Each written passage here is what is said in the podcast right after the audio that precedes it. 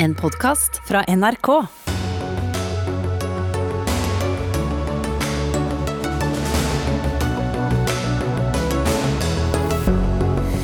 Noen lettelser, men trolig fortsatt både munnbind og avstand. Langt fra alle smitteverntiltak forsvinner når regjeringer om en time kommer med justeringer i koronarike Norge.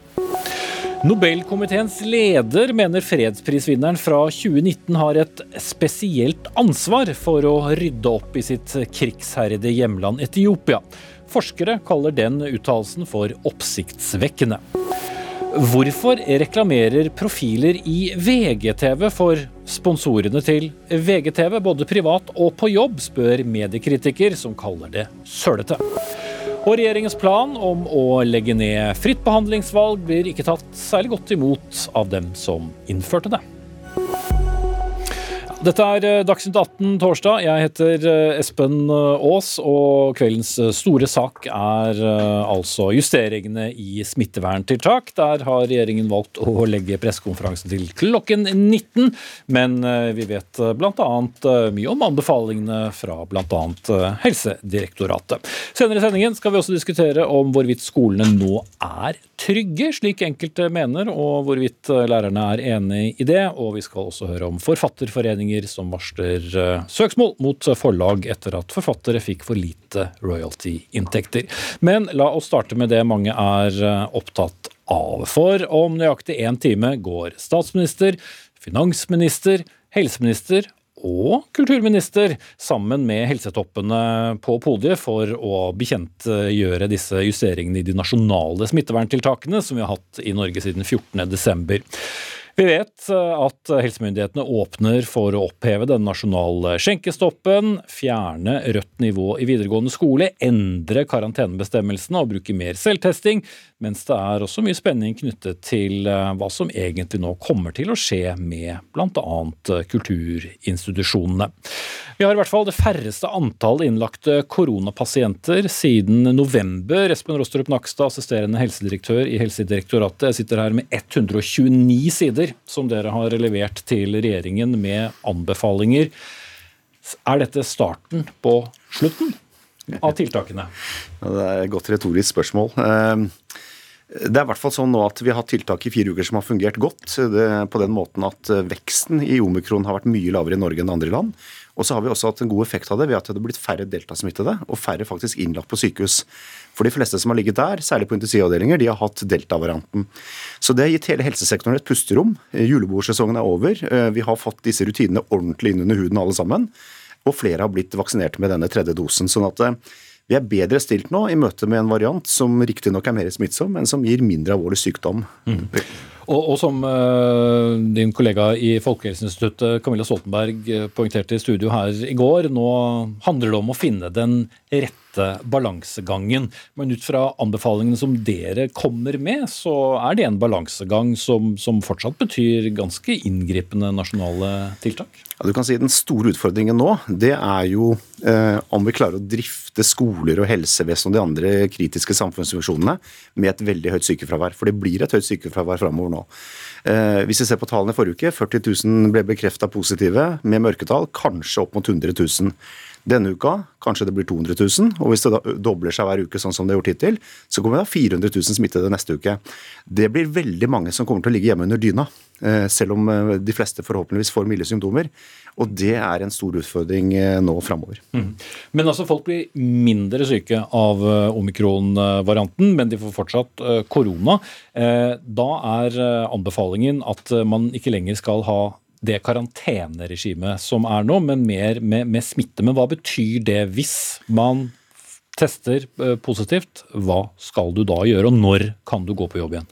Du kan si, eh, sånn som det er nå, så har jo de som er såkalte andre nærkontakter, altså som har vært i kontakt med en smittet som man ikke bor sammen med, de har jo ikke karanteneplikt hvis de er vaksinerte. Men eh, vi anbefaler nå at man skal begynne å teste dem et par ganger i hvert fall, for å på en måte fange opp smitte på en bedre måte. Og når det gjelder de som har fått en tredje dose, eh, så har du faktisk ikke karanteneplikt da heller, eh, hvis du bor sammen med en som er smittet, så lenge du tester deg hver dag. Mm. Så her har det skjedd veldig mye den siste tiden, men dette er ganske kompliserte regler, og vi ønsker å gjøre det enklere. Og så ønsker vi at reglene etter hvert skal bli like for vaksinerte og uvaksinerte, hvis smitterisikoen er den samme. Mm. Men, men, bare akkurat det med omikron-varianten, da. Hvis du får korona, har en mild omikron-variant, så mild at for tre år siden så hadde du sannsynligvis gått på jobb med så milde symptomer. Hva gjør du? Hvis du får symptomer, så bør du teste deg, og du bør holde deg hjemme til du er frisk. Og de aller fleste vil få milde symptomer. Så hvis vi hadde en regel som sa at ved milde symptomer så skal du gå på jobb, så ville det ikke vært noe vits i å teste regimet i Norge i det hele tatt. Så det er fortsatt viktig for å dempe denne bølgen mest mulig. Eh, og så er det, så Nå har jeg nettopp referert til hvordan reglene er i dag, men grunnen til at jeg ikke sier så mye om hvordan de kanskje blir, det er at dette trenger vi kanskje litt mer tid på å få på plass. For nå er det også snakk om å få ut mange hurtigtester ut i kommunene. Og Forbruket av hurtigtester framover nå vil bli enormt mye større enn det det har vært. Og Vi er avhengig av at vi har et godt system på plass nå. og Det er ikke sikkert dette vil bli endret i kveld. Mm. Nei, det er jo regjeringen som avgjør, og dere som, som, anbefaler. Eh, det som vi alltid er litt spent på, er hvilke statsråder som er med på pressekonferansen. En som er med i dag, er eh, nevnt, som allerede nevnt, kulturministeren. Og Morten Hjelten, du er direktør i Norsk teater- og orkesterforening. Mm vi snakkes sammen på telefonen i dag, så ja, det var ingen glad mann i, i, andre enden på hvordan ting har vært. Nå ser du anbefalingene fra eh, Helsedirektoratet, mm. som iallfall åpner for uh, langt fler i, uh, i, konsertlokaler, forutsatt at det er uh, faste plasser. 200 stykker. Ja. Er det en god eller en fortsatt dårlig nyhet? Det er en fortsatt dårlig nyhet. Um, det er en bedre nyhet. altså 200 er bedre enn 50, hvis vi skal holde det enkelt, og det skal man kanskje. Uh, men det er, en, det er fortsatt en, en, helt fabelaktig um, mangel på tillit til det utrolig gode smittevernsarbeidet som disse institusjonene har gjort gjennom to år.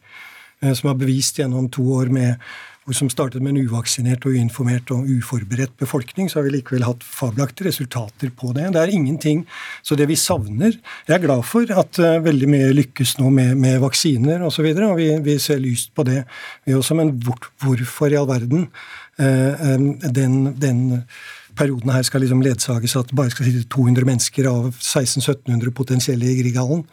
Eh, det er for oss uforklart. Mm. Det er ikke dokumentert. Og det vi, det vi trenger nå, etter lang tid med, med, Vi er selvfølgelig hele tiden ordentlig godt lydige overfor det smittevernfaglige i dette, men vi trenger altså et godt kunnskapsgrunnlag for å forklare hvorfor disse store konsekvensene for kulturlivet. Mm. La, la, la, oss holde fast ved Grieghallen som et eksempel av Nakstad når dere kommer med den anbefalingen. Altså, eh, Der kan man da sitte 200 ut fra deres anbefaling. Men jeg kan reise opp til Gardermoen og sette meg inn på et stappfullt fly hvor vi sitter tre i bredden, og reise opp til Grieghallen og være langt flere. Hva er forskjellen? Smitter jeg mer eh, i en eh, konsertsal, eh, eller hvordan er det? Du kan si at Hvis man hadde likebehandlet alt i samfunnet ut fra smitterisiko, så hadde det vært enkelt. Men det hadde fått store konsekvenser, ikke minst for barn og unge, som jo skal gå på skole. Og så kommer dette med arbeidsplasser, og så kommer alt det andre. Det har vært en en prioritering både fra den tidligere og den nåværende regjeringen. Og så er det dessverre sånn da, at dette viruset er veldig smittsomt innendørs. Og jo flere som er samlet innendørs, eh, jo større er den risikoen. Mm -hmm. Men alle eh, som sitter på et fly, sitter jo like fullt innendørs med kanskje enda dårligere luftsirkulasjon enn i Grieghallen? Det gjør du. Og så kan du si at konsekvensene hvis du stanser all flytrafikk eh, i Europa f.eks. i to år, er større enn om du har begrensninger i Grieghallen. Mm. Og dette er jo den type hensyn som politikerne må ta. Og det er ikke sånn at vi detalj, foreslår dette i veldig detalj. Dette er jo typiske eksempler på tiltak som skal vektes mot andre hensyn, næringshensyn, kulturhensyn, av regjeringen. og Derfor så, så, er det lett for oss å foreslå vaksiner og testing, men dette er typiske ting som er mer helsepolitiske, mm. og som må ses i en større sammenheng. Jeg skal ikke si at jeg leser tankene dine, men jeg tror du nå tenker hvorfor er det alltid din næring som skal eh, gå først av da, Hjelten? Det er fint, dette. Programlederen er en god tankleser. Eh, selvfølgelig vet vi at dette er prioriteringen, og vi, har, og vi registrerer altså hva prioriteringen er for andre år på rad. Um, og vi registrerer at, den, uh, at, disse begrensningene til dels er uforståelige og uforklarlige. Det er det jeg sier. Og jeg mener, Du kan kjøre totalvurdering og hensynet til barn og unge. Det er en slags sånn trumf i debatten som har ført til at kulturlivet har vært høflig inntil det servile uh, og, i, i, den perioden vi har lagt bak oss. Men jeg tror ikke man skal undervurdere konsekvensene av av å stenge disse møteplassene, både på norsk og europeisk nivå, i, i to år også. Jeg tror ikke man aner helsefaglig hva det faktisk innebærer. Ikke bare for kunsten, ikke bare for demokratiet, men også faktisk for et helsefaglig eh, ståsted. Så jeg syns man spiller høyt med å hele tiden prioritere nederst disse møteplassene. Eh, og akkurat for øyeblikket, med det vi nå leser og lærer om omikron fra ekspertisen som er her i studio også, Eh, så finner jeg ingen grunn til at vi f.eks. ikke allerede nå i dag skulle innført en mye mer skalert prosentvis fordeling avhengig av salgsstørrelse osv. Og, så og vist tillit til institusjonene og kulturlivet og gått eh, raskere frem. Eh, så jeg, synes, eh, jeg er enig. Det er prioritering opp mot andre hensyn. Næringsliv, handel osv. Og, så og vi registrerer hele tiden, uavhengig av regjering, hvor vi havner. Mm. Sitter ikke du i regjering, Nakstad, men vil du kommentere Nei, jeg forstår godt frustrasjonen. Ja, dette er vanskelig, og det er mange måter å gjøre dette på. Eh, og, eh, og, det har vært forslag både om arealregulering og antall og faste plasser og ikke faste plasser. Det er et eh, system man har jobbet mye med i snart to år, og det kunne sikkert vært gjort på bedre måter. Men dette er i bunn og grunn vurderinger som ligger over oss, og som skal vektes mot andre hensyn. Og så skal det sies at i sommer så hadde vi koronasertifikat. Det ble åpnet opp for større arrangementer. Så har vi fått en ny smittebølge nå, men når det gjelder da forslagene til hva som skal skje utendørs, så har vi jo nå ikke foreslått særlig særlige endringer eller særlig regulering i det hele tatt. Fordi der er smitterisikoen nesten null. Så, så, man prøver hele tiden å foreslå det som har minst mulig tiltaksbyrde her, men, men dessverre så er det sånn at er du innendørs med mange mennesker, så er du i den største risikoen for smitte, og sånn har det vært i hele pandemien. Mm. Vi har en politiker i studio også, Tone Wilhelmsen eh, Trøen, som er leder av Stortingets helse- og omsorgskomité fra Høyre. Det er jo litt enklere å se det fra utsiden når man ikke sitter i, i, regjering, kanskje. Men hva står mest på spill nå før regjeringen kommer med sine nye tiltak, eller justeringer av tiltak? Det er jo spennende å se de, eh, hvilke faglige råd de legger vekt på, og hvordan de begrunner sine beslutninger. Det er jo regjeringen som tar beslutningene. Eh, jeg har nesten ikke rukket å lese de faglige rådene. De kom litt før litt før seks, tror jeg, ble de offentliggjort. Eh, men, eh, men, det er klart at eh, finansministeren har jo skapt en veldig stor forventning når det gjelder dette med, med skjenkestoppen. Mm. Så ser jeg at det er noen anbefalinger knytta til tidspunkter i, i, Helsedirektoratet sine faglige råd. Ja, nærmest et foreslått tidspunkt, klokken 22. Det var jo for så vidt ganske rundt, men, men her var, var, finansminister Vedum, som du sier, veldig, veldig åpen allerede forrige helg. Ja, og det er klart at det er jo utrolig mange i kulturlivet, i serveringsbransjen, bransjen, i arrangementsdelen av næringslivet vårt, som, er veldig, eh, som har vært veldig hardt ramma, og som nå eh, nok forventer at det kommer noe på dette. Og så er det noe vi i Høyre har etterlyst veldig lenge, og det er jo at regjeringen sender på høring et, eh, et nytt lovforslag knytta til koronasertifikat eller vaksinepass. Og det er jo et virkemiddel som, som kan tas i bruk etter hvert. Mm. Det er en stor diskusjon. Det er mange dilemmaer. For det er klart, hvis en vil si at du får først vaksinepass hvis du har fått tredje boosterdose, ja, så er det noen som kommer til å bli utestengt fra noe. Og det må vi diskutere. Men problemet nå er at vi venter og venter og venter på at regjeringen faktisk skal legge fram et sånt lovforslag som kan være oppe til til viktig debatt. Mm. Og, og, det passer du veldig opptatt av, Hjelten? I hvert fall at noe skjer? Ja, altså, Misforstå meg riktig. Jeg, er, jeg, har ikke noe lyst til å leve i et samfunn med, med, med, den type pass for å komme inn noe som helst sted. Altså, jeg aksepterer ved grenser, selvfølgelig. Men det vi har sagt, er at i den situasjonen vi er nå, som et alternativ til, til mer restriksjoner, så er jo selvfølgelig åpenbart vaksinesertifikat, som jeg ser er det offisielle ordet, et bedre alternativ for å, få, for å, for å sørge for at, at, det blir gjort arbeid, at folk ikke mister jobbene sine, at publikum kan møte mm. kunsten osv.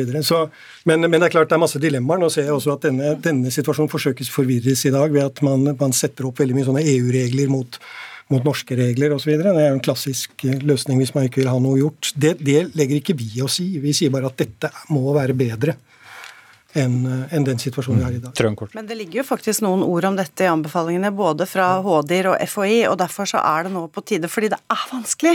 Og jeg sier ikke at Høyre mener at vi skal innføre det, men vi er nødt til å få den offentlige debatten basert på et lovgrunnlag, og så må regjeringen øh, Jeg syns det er lenge til april med å komme med en strategi for veien videre, øh, og jeg håper regjeringen sier noe om dette også i dag, for folk er, begynner å bli skal, skal ganske bare, trøtte. Skal vi bare runde av Nakstad med å si hva dere har anbefalt når det gjelder pass. Du uttalte deg for så vidt om det i studio her tidligere i uken og var ikke så begeistret for det, men, men anbefalingen Nei, i du kan si Å bruke koronasertifikat til å begrense smitte er ikke noe god idé, men får man et hjemmelsgrunnlag som gjør at du kan bruke det for å beskytte de uvaksinerte mot å være til stede der hvor det er smitterisiko, så er det en annen type bruk.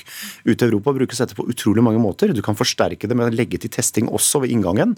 Sånne ting har vi diskutert, og dette er opp til regjeringen å vurdere. Men statsministeren har sagt at det kan ta noe tid å få dette hjemmelsgrunnlaget på plass, men det er kanskje ikke så veldig langt unna at vi kan bruke dette på en god måte nettopp for å redusere byrden f.eks. på kultursektoren. Kanskje en god nyhet der. Jeg må runde av, for vi skal også snakke om skolen. Men jeg eh, takker dere av alle tre. Morten Hjelten, direktør i Norsk teater- og orkesterforening. Tone Trøen, stortingsrepresentant fra Høyre og leder helsekomiteen. Og Espen Rostrup Nakstad, assisterende helsedirektør.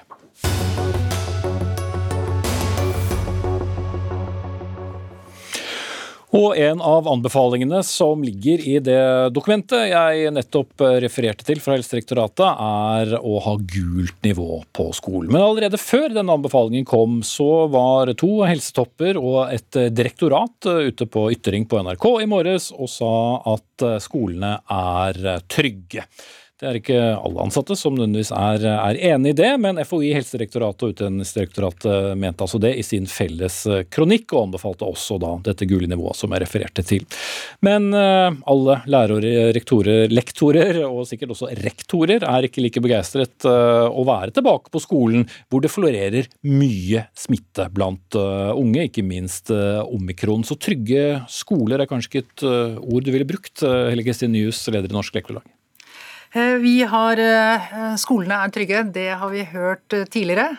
Og det har man måttet justere på tidligere. Så vi har erfaringsbasert en skepsis til hva som ligger i det trygghets, trygghetsbegrepet. Mm. Ja, for bare, bare, beskrive det, da. Du kommer fra, fra skolevesenet selv. Hva, hva, slags form for trygghet uh, føler du og, og, dine nærmeste kolleger uh, i, i, arbeidssituasjonen? Det som, er, som vi, er, vi, er, opptatt av, er at vi må ha en trafikklysmodell som har blitt innført. så den er, på en måte, nå, nå, er den, nå, er den, nå er den kjent. For oss som jobber i videregående og til dels også i, i ungdomsskolen, så sier vi at den trafikklysmodellen har ikke vært har ikke vært helt sånn treffsikker på gult, gult nivå. Der har den ikke vernet verken elever eller ansatte. Mm. Og nå men, blir det høyeste nivået?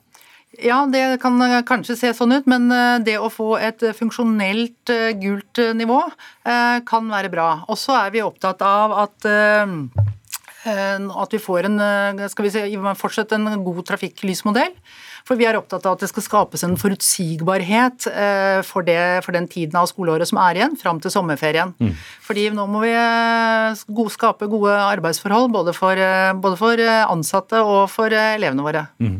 Hvis jeg kan gi deg det som kanskje vil anses som en liten lissepasning. Føler du at dere som yrkesgruppe da er hørt når konklusjonen er skolen er trygg?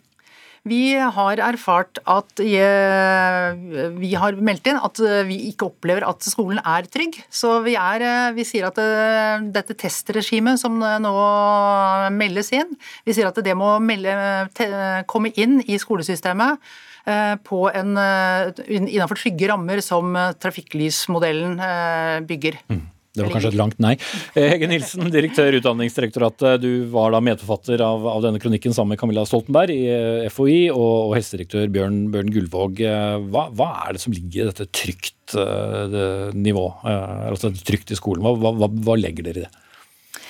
Det vi legger i det, er at nå vet vi at barn og unge svært sjelden blir alvorlig syke av covid, og med god vaksinedekning to doser, og nå etter hvert også tre doser hos de ansatte i barnehager og skoler, så blir de også svært sjelden alvorlig syke.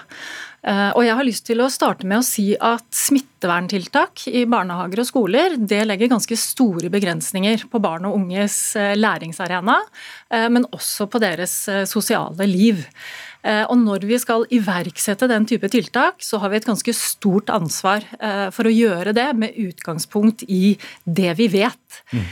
Og så Hvis jeg bare får føye til én ting til. fordi det er krevende å omstille seg til å tenke at smitte ikke er så farlig som det det var tidligere i pandemien. Mm. Ja, og, Det var litt det poenget jeg skulle til. fordi det er jo da mange øh, lærere, uh, uansett nivå, eller i, barnehagene, som både dette studioet og i mange andre intervjuer har, poengtert at de synes ikke den situasjonen er noe grei. Det er ikke noe lett å gå på jobben. Uh, man skal være i en fritidskarantene. Forstår du at det ved å slå fast at det er trygt, og at man må bare omstille seg til en annen situasjon, rett og slett kan virke provoserende på enkelte? Ja, Det skjønner jeg veldig godt. Og jeg skjønner også den frykten og den bekymringen eh, som er ute i samfunnet vårt. Eh, men samtidig eh, så er det veldig viktig eh, å verne barn og unge for de aller mest inngrepne tiltakene. Og vi har nå veldig god dokumentasjon på hva det betyr for barn og unge å ikke få være i barnehage mm. og på skole. Og da må vi gjøre gode og balanserte vurderinger eh, av hva som er det riktige smittevernnivået. Mm. Og da trenger man ikke eh, rødt lysnivå. Nei, og da er, det, da er, vi i en situasjon nå hvor de voksne er godt beskyttet av vaksiner. Barn og unge blir ikke alvorlig syke. Eh, og da må vi tenke oss godt om når vi iverksetter smitteverntiltak. Og da har vi et kunnskapsgrunnlag nå som sier at jevnlig testing det er et av de mest effektive og også et av de mest skånsomme smitteverntiltakene som begrenser okay. smitten i samfunnet. Bare å senke skuldrene da, Njus. Det, det, er ikke det. Og det er jo litt sånn naturlig FHI som disse tallene bygges på. De, jo, de, de jobber jo med populasjon og modeller. Eh, Norsk Lektorlag og medlemmene våre altså Vi snakker om menneskene som jobber i, i, i skolene, og elevene vi har der. Eh, og det er jo sånn at selv om man på populasjonsnivå ser at man blir ikke syk, så er det jo enkeltpersoner som, som blir syke. Eh, og Derfor er det jo viktig for oss at eh, det regimet, at det opprettholder et trafikklysnivå som er ivaretakende.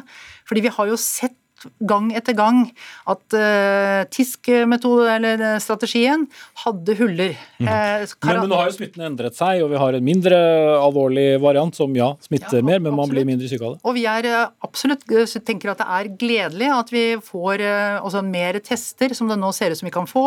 At vi kan få et testregime som kan gjøre at vi kan komme tilbake til en, den skolen vi har lyst til å være på. Det er vi for, men vi sier at denne innfasingen, den må uh, skje i trygge rammer. Det er det, vi, det er det vi ber om. Fordi vi har gang på gang sett at de forutsetningene som har blitt lagt til grunn fra helsemyndighetene, de har ikke blitt fulgt opp. Sist gang ved inntestingen etter jul og nyttårsferie. Det fungerte ikke overalt. Ok, Nå er det nye tider og nye meldinger, så vi får se hvordan det går. Takk skal du ha, Helle Kristin Nyhus, leder av Norsk Lektorlag, og takk til Hege Nilsen, direktør i Utdanningsdirektoratet.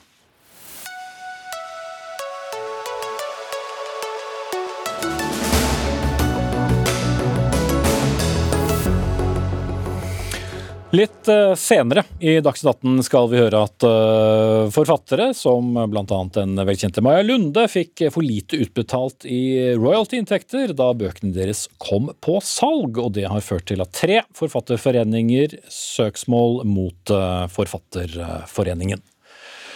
Da er det over til uh, fritt behandlingsvalg, et uh, kjent tema for faste publikummere av uh, Dagsnytt 18. For den politiske striden om dette som en helseordning går høyt. For tirsdag denne uken kunngjorde helse- og omsorgsminister Ingvild Kjerkol at regjeringen vil avvikle godkjenningsordningen for dette fra neste år. Og de største opposisjonspartiene kastet seg umiddelbart på med sterk eh, kritikk. Men 18 eh, 000 var det som benyttet seg av ordningen i 2020. Det kostet 380 millioner kroner. Og da, Tone Wilhelmsen Trøen, leder av helse- og omsorgskomiteen, tilbake igjen eh, i, i studio. Er det da egentlig så mange som kommer til å savne det? Ja. Dette er jo en utrolig viktig rettighet for, for mange pasienter. 18 000 mennesker vi snakker om. Mm. Men det er likevel en veldig liten del av pasientgruppen i Norge? Hittil har, ja, hittil har 60 000 uh, benyttet seg av den ordningen siden den ble innført i november 2015. Og man startet opp med å tilby fritt behandlingsvalg, denne pasientrettigheten, for ruspasienter og de som trenger hjelp i psykisk helsevern. Det er pasienter som også ofte har vært til behandling mange steder mange ganger, og som har slitt med å komme seg enten ut av en rusavhengighet eller, eller, å føle seg på en måte Møte en type behandling da, i psykisk helsevern som, som de føler at gir de håp om å bli mm. friskere. De men, men de har får... hatt muligheten til å velge. Mm. Men nå får de da et annet offentlig tilbud. Hvorfor må det være dårligere? Nei, jeg sier ikke at det offentlige tilbudet er dårligere, men fritt behandlingsvalg Det gjør noe med deg som menneske når du kan få lov å bestemme selv hvor du skal uh, behandles. Og det vi så av en evalueringsrapport av fritt behandlingsvalg, for den ordningen er jo evaluert, uh, at um, noe av grunnen til at færre får tilbud om dette, er jo at det ikke faktisk informeres om det. Mm. Ok, så, det så ville flere brukt det. Vi må bare gå litt eh, videre til motdebattant. Vi har litt liten ja. tid. Du skal få ordet tilbake. Cecilie Myrseth, nestleder i, i samme komité, helse- og omsorgskomiteen. Du stepper da inn for Ingvild Kjerkol, som akkurat nå skal uh, snart ha pressekonferanse. Hvorfor er denne, det å avvikle denne ordningen blitt så viktig? Er det vel så mye en symbolsak? Jeg må først må si at eh, Det er veldig spesielt å høre Tone Wilhelmsen Trøen forklare hva denne ordninga er. Denne ordninga handler jo egentlig om at det er en eh, fri etableringsrett nesten eh, for private bedrifter. Det vi nå sier, er at vi gjør det som vi sa i valgkampen. Nå er det vår felles helsetjeneste som skal prioriteres, og det er der vi må bruke de store pengene. Og det aller viktigste for pasientene det er jo at man får riktig hjelp til riktig tid. Det er ikke at du får eh, den ene eller andre mm. logoen på sykehuset eller behandlinga. Men er det en prinsippsak for Arbeiderpartiet å avvikle fritt eh, behandlingsvalg? Ja, Det er et viktig prinsipp at vi bruker pengene riktig, at vi bruker det på eh, tilbudet som gjelder til alle. Også til denne rapporten som eh, Trøen viser til eh, om denne ordninga. Den sier jo også at denne ordninga har i liten grad bidratt til å realisere målene om å redusere ventetider og få mer effektive sykehus. Og Pasientene sine rettigheter de er ivaretatt fordi at man har muligheten til å fritt velge sykehus eh, i Norge uavhengig av dette. Men det vi gjør nå, er at vi snur fokus, eh, og så gjør vi noe med, eh, med de offentlige tjenestene våre. Okay. Eh, og dette handler om at det er jo en sånn, eh, sånn eh, privatiseringsiver som Høyre alltid har hatt. og de åtte årene har For Høyre Cecilie Myrseth, er pasienten det viktigste, og ikke systemet. Eh, du har lest deler av evalueringsrapporten, men noe av det den evalueringsrapporten peker på, er jo at mange av disse pasientene blir motarbeidet. Altså de får ikke lov å velge eh, noe annet enn det de blir henvist til. Og jeg mener at det handler om en grunnleggende respekt for at alle eh, bør kunne få lov å få lov å bestemme selv. Og fritt behandlingsvalg, det ga først og fremst ruspasienter og de med psykiske eh, store helseproblemer mulighet for første gang til å kunne velge selv. Og de, det, altså, det å kalle det fri etableringsrett, altså disse Stedene er offentlig godkjente, gjennomgår akkurat den samme kontroll og tilsyn som alle andre. Vi vet at Arbeiderpartiet aldri har kjempa for pasientrettigheter eller stått bak valgfrihet og frihet. Ok, det tror jeg Myrseth vil svare på. Ja, Dette stemmer, stemmer, jo eh, ikke. og jeg tenker at Vi har hatt en del, eh, del tilfeller denne høsten som, eh, som, ikke akkurat har vist til eh, høy kvalitet på en del av de tilbudene. Men det aller viktigste det er jo at uansett hvor du bor i landet, uansett hvor mye penger du har på kontoen, så skal du få et godt tilbud eh, når du trenger det. Eh, og det får du når du bruker de store pengene på det felles helsevesenet som vi har. Og så må jeg bare si at helsepersonell i dag det er en knapphetsressurs. Det vokser ikke helsepersonell på trær, eh, og vi må bruke det personellet vi har på en riktig klok måte. Og da må vi sørge for at alle får muligheten til å få et godt, god helsehjelp når du, når du trenger det. Og det viser seg jo at denne ordninga er ikke svaret på de tingene. Det er ikke svaret for å gi god eh, pasienthjelp. Men, Eh, hva, hva er det beste regjeringen da kan gjøre når de har sagt at de avvikler dette tilbudet, men hva er det beste de kan gjøre for å komme så nært, da, hvis du skal tenke på pasienten? Nei, altså det, er jo en realitet at de, at de fjerner en pasientrettighet. Eh, og jeg tror ikke Cecilie Myrseth har snakket med mange av de pasientene som har benytta fritt behandlingsvalg. Det er helt tydelig. Eh, og så er det veldig farlig, mener jeg, at Arbeiderpartiet bruker noen enkeltsaker til å definere at eh, de tjenestene som leveres gjennom fritt behandlingsvalg, ikke holder høy kvalitet. Det eh, det er rett og slett eh, det må, det må nesten Arbeiderpartiet snart begynne å belegge med, med, fakta. Det skjer dessverre feil i offentlig helsetjeneste, og det kan skje feil i private. Det er derfor vi har tilsyn, og det er derfor vi har kontroll, og det er derfor vi har godkjenninger. Ok, Da må jeg sette strek. Og så har vi nå fått bekreftet fra, fra flere kilder om at uh, ny skjenkestopp blir fra klokken 23. Kort kommentar på det, Trøen?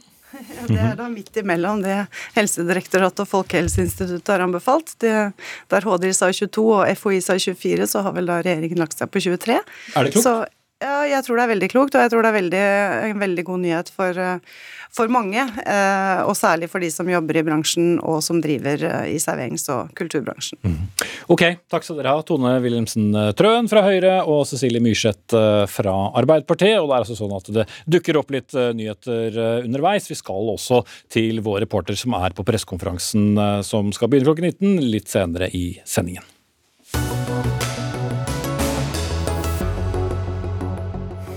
Men nå tror jeg knapt vi kommer til å si ordet korona de neste minuttene, men vi skal snakke om VG, og nærmere bestemt VGTV, som kritiseres for å tillate sine profiler og inngå kommersielle avtaler med firmaer som også sponser VGTV-programmer.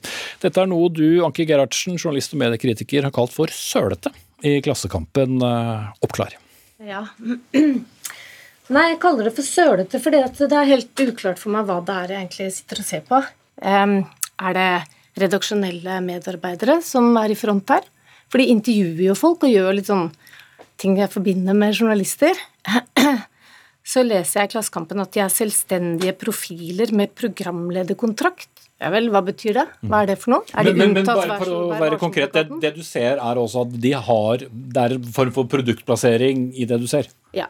Det, er, eh, det ligger og vaker et sted mellom det jeg syns ligner på journalistikk, og det jeg åpenbart ser er markedsføring, reklame, bindinger til annonsører, da. Um, og um, så syns jeg det er veldig uklart hva det er, og jeg mener at det burde vært mye tydeligere merka. Hvis en avis eh, driver med såkalt innholdsmarkedsføring, content marketing, så skal det stå.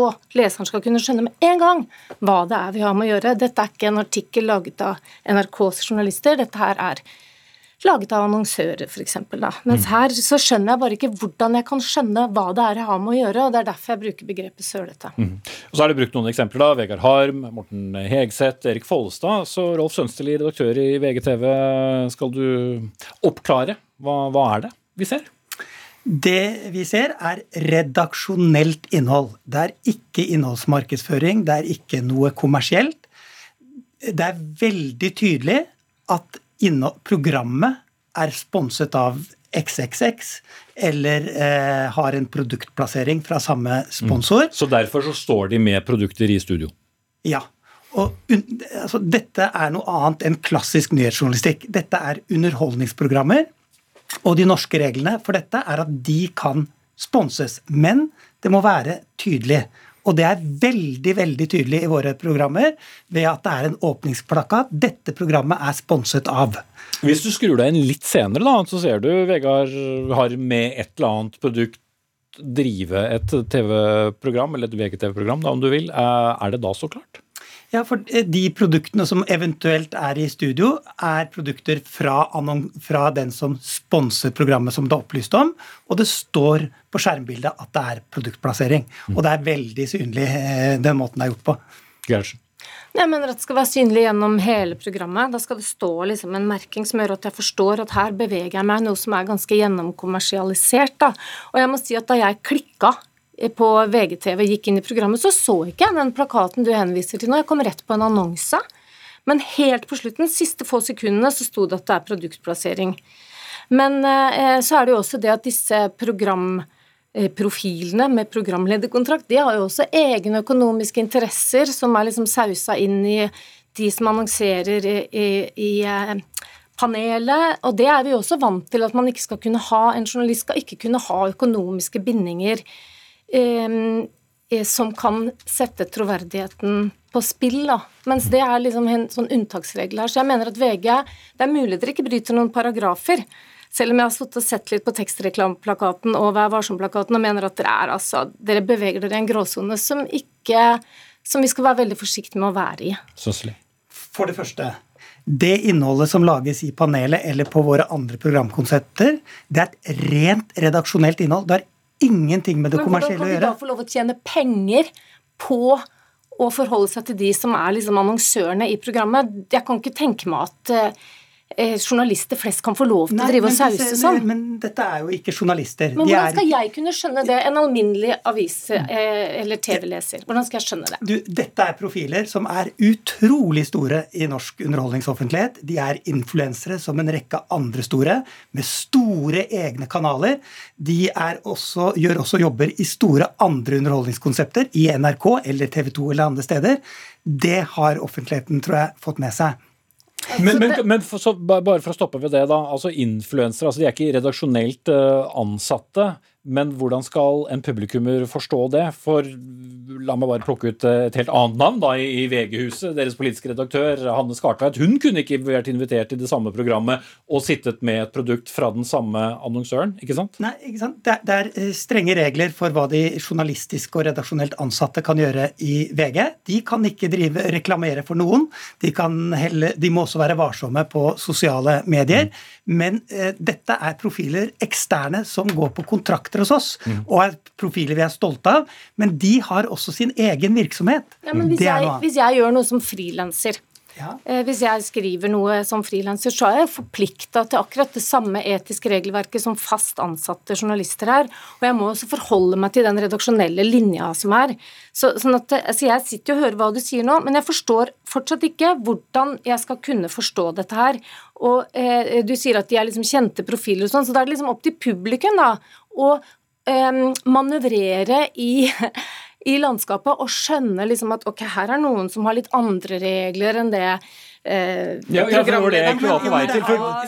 Det er jo veldig stor forskjell på å være journalister å være, kontra det å være eh, underholdningsprofiler og underholdningsprogramledere. Men Du sier at det er et redaksjonelt produkt. Selvfølgelig er det det. Underholdning er jo også redaksjonelt. Ja, det er enig ja. Men da er jeg vant til at man må forholde seg til pressens etiske regelverk, og, og også tekstreklameplakaten. Ekstremt tydelig i våre programmer eh, hva som er kommersielt innhold, med eh, pre-roll og med en eh, sponsplakat. Dette programmet er sponset av. Det er veldig tydelig. Mens du ville hatt nærmest en merking så lenge det er et produkt på skjermen sammen med en programleder, enten vedkommende er influenser eller eh, noe annet? Ja, jeg vil at det skal være eh, veldig klart for publikum hva det er vi har med å gjøre. Og grunnen til at jeg er opptatt av det, er selvfølgelig at vi skal bevare tilliten til pressen. Passe på at ikke vi i en tid hvor tillit er liksom det store spørsmålet, ikke bare overfor myndighetene, men også overfor pressen, så skal vi passe på at ikke vi begynner å bli beskyldt for å liksom Ja, de driver jo og handler med dem, og de gjør det egentlig for å tjene penger. og Vi skal være kjempeklare da, på å holde skille mellom journalistikk og inntjening adskilt. Og, og, og, det greier dere ikke her. Og særlig ikke når de har egne økonomiske interesser. Innholdet har ingenting med det kommersielle å gjøre, men underholdning er det altså lov at har sponsorer i henhold til norske regler. Og vi har full åpenhet om dette i VG. Det er bare å gå på fronten av VG, så har vi en side hvor alle profilenes kommersielle bindinger Som jeg må finne selv. Ok, så du må gå og finne det selv. Greit, da er det slått fast. Du må gå og finne ut eh, det selv. Anki Gerhardsen, journalist og mediekritiker. Rolf Sønsteli, redaktør i VGTV.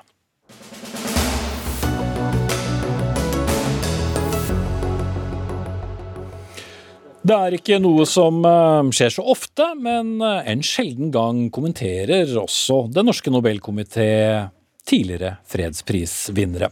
Og nå, over to år etter at Etiopias statsminister Abiy Ahmed fikk prisen, så har lederen av Nobelkomiteen, Berit Reiss-Andersen, ytret seg i Morgenbladet. Der sier hun at Ahmed har et eh, særlig ansvar for å avslutte konflikten i sitt eh, hjemland. Noe forskere kaller eh, oppsiktsvekkende, men før vi kommer til dem, eh, Berit Reiss-Andersen, hvorfor valgte du å, å kommentere prisvinneren fra, fra 2019? Det valgte jeg fordi, for det første fordi jeg har fått veldig mange spørsmål om det. Det er ikke nødvendigvis grunn god nok, men det er absolutt en grunn. Men først og fremst fordi det er en veldig spesiell situasjon.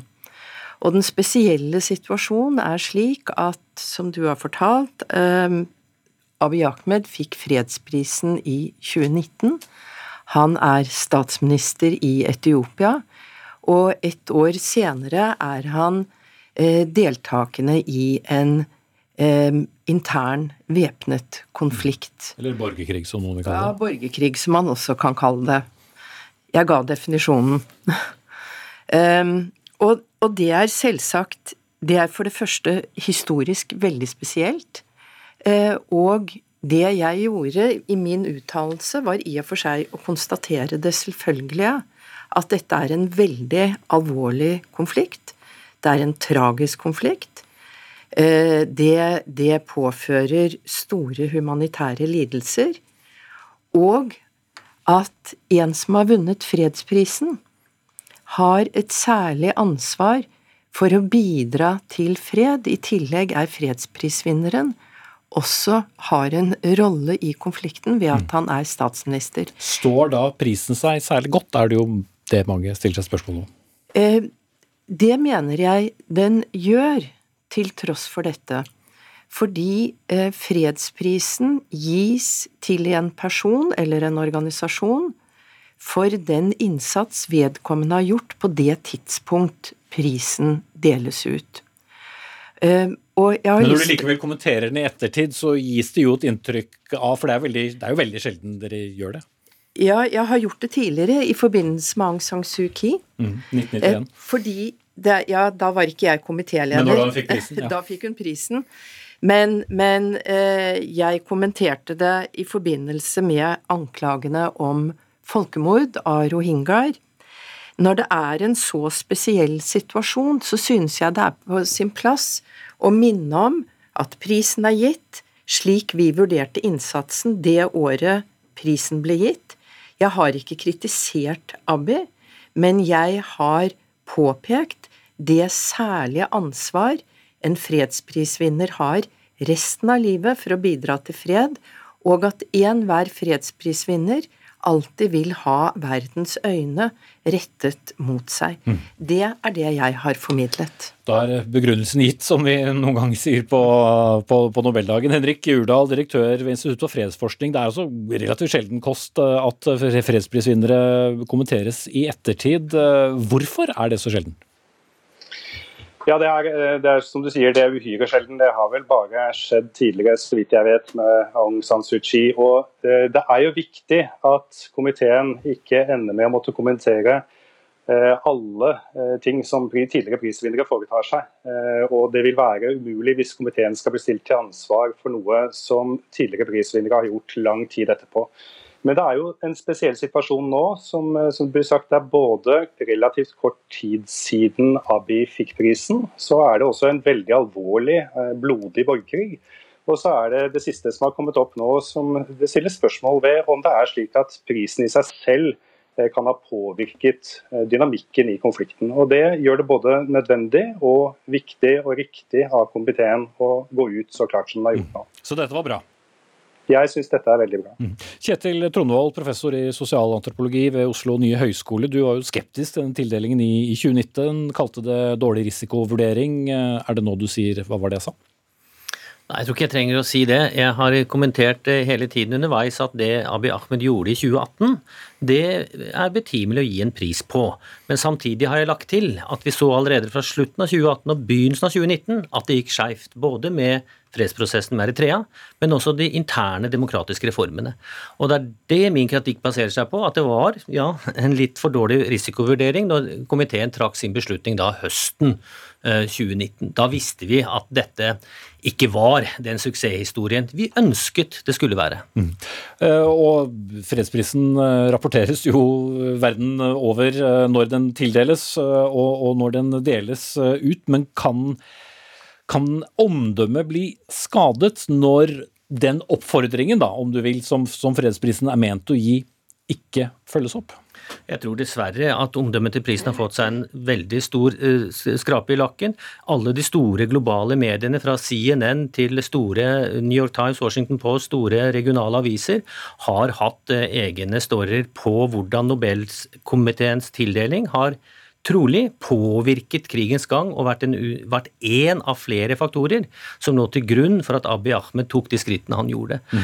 Det skal jo selvfølgelig ikke komiteens det er ikke komiteens ansvar, men jeg sier bare at det er en, det er en argumentasjon rundt dette, ja. Mm. Er du enig i den uh, analysen, Urdal? Ja, jeg er enig i at, eh, at dette er en alvorlig eh, omdømmesak for komiteen. At det er knyttet seg nettopp, som Trondvold sier, til Eh, de påstandene som er kommet nå om at eh, Bade Abbi kan ha blitt eh, påvirket og har fått egne oppfatninger som gjorde at han da gjorde ting under og har, har oppført seg på en måte som, som da han ikke ville gjort hvis han ikke hadde mottatt prisen. Og Det andre er spørsmålet om det er slik at verdenssamfunnet har reagert på en annen måte enn det man ellers ville gjort. Mm, tror du. Ja, og også Det siste poenget er veldig viktig, som Urdal sier. Eh, det er, eh, og det har jo seniordiplomater og utsendinger sagt til meg, vi reagerte altfor sent ut ifra at han fikk nobelprisen. Og det var også veldig utrygt for oss, altså diplomatisk risiko og begynne å kritisere for tidlig, for han hadde dette som et skjold. Og han brukte det ganske aktivt som et skjold. Så det er nok uten tvil en, en pris som går inn i historien, som, som har Eh, som har påvirket den situasjonen den ble gitt på, i en veldig negativt utfall. Mm. Du er jo også opptatt av omdømme. Eh, Berit Reiss Andersen, eh, frykter du for omdømme rundt prisen? Det blir jo alltid en eller annen form for, for diskusjon, enten det er amerikanske presidenter eller andre som, som, får det, men her har jo da diskusjonen pågått uh, veldig lenge, da, ut fra hva som skjer. Jeg er opptatt av fredsprisens omdømme året rundt, og vi er opptatt av omdømme hver eneste gang vi deler ut en fredspris. Og det er alltid en risiko, fordi man kan rett og slett ikke se inn i fremtiden. Ehm, og eh, det, det gode omdømmet som fredsprisen har, følger av gode beslutninger gjennom 120 år. Jeg, har, jeg kan ikke delta i diskusjonen om hva, hvilke vurderinger som ble gjort for å gi prisen til Abi, fordi det er taushetsbelagt. Men jeg vil gjerne kommentere til debattantene at jeg synes det er en eh, eh, litt spesiell innfallsvinkel at en fredspris blir tolket som en oppfordring til å gå til krig. Mm. Det er det jo ikke jeg som gjør, eller Urdal som gjør. Det er mottakeren som har gjort dette og har brukt den internt i den politiske maktkampen som var i Etiopia under den perioden prisen ble tildelt. Mm. Hvis vi skal avslutningsvis få en slags status på borgerkrig og Etiopia, hva kan du si da? Ja, Dessverre så pågår krigen, selv om det er veldig motsetningsfulle signaler akkurat i det siste. Statsministeren har igangsatt det han kaller en nasjonal dialogprosess, hvor han ønsker å utvide det demokratiske rommet i Etiopia. Han har frigjort en del veldig sentrale politiske fanger i forrige uke. Men den eh, nasjonale dialogprosessen inkluderer ikke myndighetene i Tigray-regionen eller andre motstandsbevegelser, som er hovedaktørene i krigen. Så den, det er en i manges øyne en bevisst hva skal jeg si, eh, kaste eh, blør i øynene på diplomatiet og sier nasjonal dialog, men mener også samtidig fortsettelsene av krigen. Mm. Altså Borgerkrigen er separat fra det. Og dessverre, Verdens helseorganisasjon og FN gikk akkurat ut i dag og sier at det er den største humanitære katastrofen i Tigray i verden i dag. Mm. En sak under utvikling. Takk skal dere ha, alle tre. Berit Reiss Andersen, leder for Nobelkomiteen, Kjetil Trondvold, professor i sosial antropologi, og Henrik Urdal, direktør ved PRIO.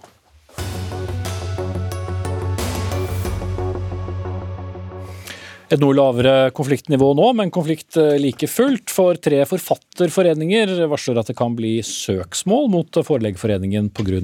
for lave royalty-utbetalinger. Altså den andelen av uh, bokens inntekter som tilfaller forfatteren. I forrige uke skrev Klassekampen at flere forfattere har fått så lite som 7,5% i royalty for bøker eh, på salg. Og i dag fortalte forfatter Maja Lunde til avisen VG at hun oppdaget at hun hadde fått for lite betalt, og selv om hun nå har fått dette etterbetalt, så oppfordret hun forlagene til å rydde opp for alle. Og Alexander Løken, styreleder i Norsk barne- og ungdomsforfattere, hvorfor mener man, eller hvordan har man kommet frem til at man har fått eh, for lite betalt her? Ja, altså Dette er en såkalt realisasjonsbestemmelse i normalkontrakten, som tilsier at man kan sette ned royaltyen til 7,5 eh, i tilfelle hvor det er lagertømming, bøker som skal ut av markedet. Mm. For det er en høyere prosentsats, bare for å forklare det for folk. da. Når, når boken gis ut, så, så får forfatteren en høyere eh, prosentsats, og når den da eh, kommer på salg, mammutsalg, pocketutgave, så er det andre satser. Ja, bare i de tilfellene da um, hvor boken er på vei, det er altså siste reis, da, for å si det for, for en bok. Men i enkelte tilfeller så ser vi at det er bøker som er forholdsvis nye, som uh, lever i best velgående i markedet, som er bestselgere, som da likevel også da settes ned til 7,5% som i tilfellet til, uh, til Maja Lunde. Mm. Og da er det ikke snakk om det, det, er ikke lagertømming, for dette er bøker som kommer til å selges over lengre tid? Det er overhodet ikke lagertømming, dette er bestselgere. Dette er uh, kanskje til og med moderne klassikere som kan leve i, i mange år til. Mm. Ja, Heid Austli, administrerende direktør i Forleggerforeningen. Hvordan forklarer dere at det ble sånn? Eh, først har jeg lyst til å si at vi heier på forfatterne. Forlag heier på forfattere, og sammen så ga vi ut 50 000 ulike titler. var det som mm. ble solgt Så det ikke har noe med dette å gjøre, men Jo, men ja. det har jo faktisk det. fordi at det er også sånn at av de 50 000 titlene, da, så ble hver Halvparten av de bøkene solgte i åtte eksemplarer eller mindre mm. enn det. Mm. Og, så er, og, så er, det noen bestselgende ja. forfattere som da likevel har fått en veldig lav prosentsats. Ja, men det som er tilfellet, er jo at eh, når det oppdages feil, så ryddes det opp i. Men denne saken her, den har jo på en måte eskalert ut i mediene nå. Vi har noen normalavtaler i Norge som vi verner om og har et felles ansvar for også videreutvikle når markedet utvikler seg. Mm. Men her er det rene feil? Og det er sånn at det å stille da eh, true med søksmål da, mot Forleggerforeningen fra disse forfatterorganisasjonene, det stusser jeg veldig over. Vi har i flere år nå ønska å ha god dialog, fordi at vi vet at markedet utvikler seg. Eh, vi er nødt til å ta ansvar for å også utvikle avtaleverket vårt. Den dialogen ønsker vi å ha med de. Mm. Hvis det i tilfelle skal stilles noe søksmål, så er det jo mellom partene, og da er det jo mellom forfatter forfatter og forlag. Men, men, i Maja Lundes sak, for å ta den helt konkret, så er det sånn at da det ble oppdaget feil der, så ble det ryddet opp umiddelbart mm. ja, jeg, jeg i det. det. Men det ble også ryddet opp på vegne av alle de andre forfatterne i det forlaget. Jeg etterlyser jo eh, faktagrunnlag ja, og jeg, for, for, for, Løken, hva er da poenget med et søksmål hvis eh, det er blitt innrømmet feil og det er eh, ryddet opp? Hva er da grunnlaget for saken? Det har ikke blitt innrømmet feil, sånn som jeg ser det. Det har blitt ryddet opp i enkeltsaker som vi som forfatterforeninger har gått inn i og hjulpet til med å rydde opp i. Men allikevel ser vi ikke at eh, Forleggerforeningen ønsker å erkjenne hvordan dette punktet i normalkontrakten skal eh, tolkes. Og de går heller ikke ut i forlagene og sier at dette er realisasjon, sånn skal fungere realisasjon. Dere kan ikke sette ned royalty-satsen eh, på bøker som er bestselgere som er i markedet fremdeles. Mm. Er ikke dette forklart godt nok i jo, kontraktene? Vi, eh, vi, har over lang tid da ønsket å ha dialog med dere, noe vi også oppfatter at vi har. Sist gang vi møttes, det var i november, og så fikk vi et brev i desember, og så svarte vi på det eh, lille julaften eller et eller annet sånt noe, og så tas denne debatten debatten ut i mediene. Jeg mener at det er veldig lite hensiktsmessig. Jeg tror vi alle ville vært tjent, både forfattere og forlag, med at vi faktisk hadde satt oss ned og snakka eh, sammen om hva er det som har skjedd i markedet, hvordan kan vi utvikle eh, kontraktene, og hvordan kan vi også sørge for god praksis i det markedet som er. Mm. Og det har seg sånn at markedet utvikler seg, og det er vi i fellesskap veldig, veldig avhengig av. Okay. Eh, og det er kjøperne som på en måte bestemmer, og hvis en bok ikke eh, selges til Altså hvis eh, jeg ikke har lyst til å kjøpe bøkene til full pris, så gjør jeg ikke det. Altså på et eller annet tidspunkt så vil bokhandleren ta og si at ok, hvis vi reduserer prisen, så vil vi antageligvis eh, få selge flere, det er solgt systemet. bøker. Ja, Mm. Ja, Det er ikke uvanlig at markedet forandrer seg, og avtaler Mm. også må forandre seg. Men vi kan ikke gå inn i en, vi kan gå inn i en dialog, men å gå inn i forhandlinger om en eksisterende kontrakt uten å være enig om konkrete punkter i avtaleverket. Og det, går ikke. Ja, og, men det er vi har vært åpne for konstruktiv dialog hele veien, men også eh, må vi gå inn på dette punktet, vi må rydde opp i dette punktet først, før vi da kan gå inn i forhandlinger. Og vi Og da er søksmål en bedre vei. Eh, Det vi ønsker i første omgang, er å sette ned et tvisteutvalg. Vi har sendt tre brev til eh, Forleggerforeningen de siste månedene, og vi får det samme svaret om og om igjen. Vi får aldri et svar på hvordan denne realisasjonsbestemmelsen skal tolkes. Og da ønsker vi at, eh, at vi kan få sett det ordentlig. ønsket, og vi ønsker fremdeles, og den døra er vi åpen, da, sånn at vi som foreninger i fellesskap kan ta ansvar for å se på om det er ting eh, her som vi må endre på, og kanskje bør vi også gjøre det. Det er vi veldig veldig åpne på at vi, eh, vi skal gjøre. fordi at det felles ansvaret har vi på vegne av alle de tusenvis av forfatterne og forlagene som er. da. Og så har jeg også lyst til å si Jo, at det er så ingen det først, jeg, Jeg vil bare si jeg heier også på forfatterne. Vi kjemper til og med for at forfatterne skal få betalt det de har krav på, ifølge kontrakten som vi har blitt enige om oss imellom. Eh, Men igjen, vi kan ikke gå til forhandlinger før vi er enige om dette punktet. Og døren er åpen, det er fint. Vi har et godt samarbeidsforhold, men, eh, men Jeg bare syns det er synd at det eh, eh, skapes et inntrykk av at norske forlag på en måte driver og rapper penga til forfatterne. Det er jo faktisk ikke eh, tilfellet. Altså de aller, fleste, de er aller fleste forlagene altså Økonomien i denne bransjen er ekstremt skjør. Mm. De aller fleste forlagene omsetter for fem millioner eller mindre enn det. Mm. Ikke sant? Og eh, halvparten av de 50 000 titlene selges i åtte eksemplarer. Det har du nevnt, og det pleier alltid å være det jeg sier. Da avslutter vi når vi gjentar uh, oss selv. Heidi Austli, administrerende direktør for Legeforeningen. Alexander Løken, styreleder i Norske barne- og ungdomsbokforfattere.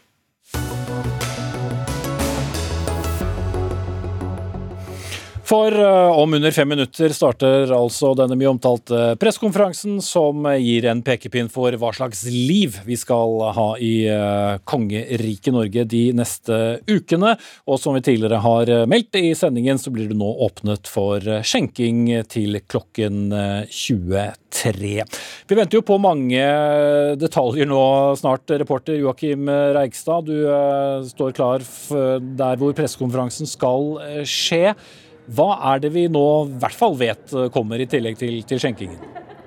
Ja, Det vi tror i hvert fall da, det er at man nå skal tillate skjenking av alkohol til klokken 23.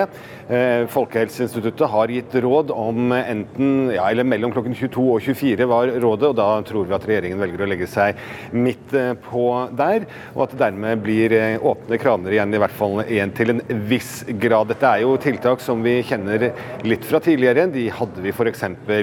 ja, faktisk nesten helt fram til den store gjenåpningen i høst. Og så er det selvfølgelig også et spørsmål om vil regjeringen da f.eks. stille krav om matservering ved skjenkingen. Det spørsmålet har vi ikke fått svar på ennå. Mm. Så er det jo en del ting eh, det vel også, eller andre ting det er eh, mye usikkerhet rundt, eh, Joakim Reistad. Ja, det er det. Og et av de store spørsmålene nå, det er jo selvfølgelig hvordan blir det med karantene. Slik det er i dag, så må man hvis man ikke har tredje dose, gi opptil ti, ti dagers karantene dersom man har vært nærkontakt til en eh, smittet. Man kan teste seg ut. Dette ønsker i hvert fall helsemyndighetene og eh, FHI og Helsedirektoratet å endre noe på, eh, slik at man nå kan i stedet for karantene ha et testregime. Det er jo slik, Vi vet jo det at med smittetall som vi har i dag på 11 000, og vi sier at eh, hver person i snitt har mellom 6 og 7 nærkontakter, så vil vi altså da komme opp på ca. 70 000 eh, personer hver dag som eh, kan risikere å måtte gå i karantene. Og Dette vil kunne få store konsekvenser for samfunnet. Så Det er også noe av det vi ser på. I tillegg så er vi også interessert i hva de melder ut om skole. De har fått råd om å senke nivået til et gult, slags gult plussnivå med litt forsterkede tiltak i skolene, men det skal være en normal skolehverdag igjen. Mm. Og Så vet vi da, Joakim Breikstad, meldingene fra helsemyndighetene. Omikron lar seg ikke stoppe. Så noe av spenningen vil jo også være hva slags balansegang regjeringen vil legge seg på. Noe smitte vil det alltid være, men eh, spørsmålet er altså hvor strenge tiltak de vil velge å beholde for å holde på denne begrensningen. Ja, det er, det er, riktig. og Man teller jo litt forskjellig her. fordi at Én ting er smittetallene, de kan se høye og skremmende ut. Men vi vet jo også at veldig få av de som smittes nå, blir jo alvorlig syke. og Det er også veldig vesentlig. Når vi ser at sykehustallene går ned nå, så kan jo også det tyde på at de som er syke og på sykehus, eh, de eh, har stort sett vært smittet av delta-varianten. og Når vi nå får omikron som dominerende, så kan også det vise seg nå i sykehustallene. Takk skal du ha, Joakim Reigstad på pressekonferansen. Følg Dagsrevyen på NRK1 eh, for mer, og debatten senere i kveld. Ansvarlig for denne sendingen, Anne Katrine Førli. Eli Kyrkjebø tok seg av tekniske. Jeg heter Espen Aas. På gjensyn.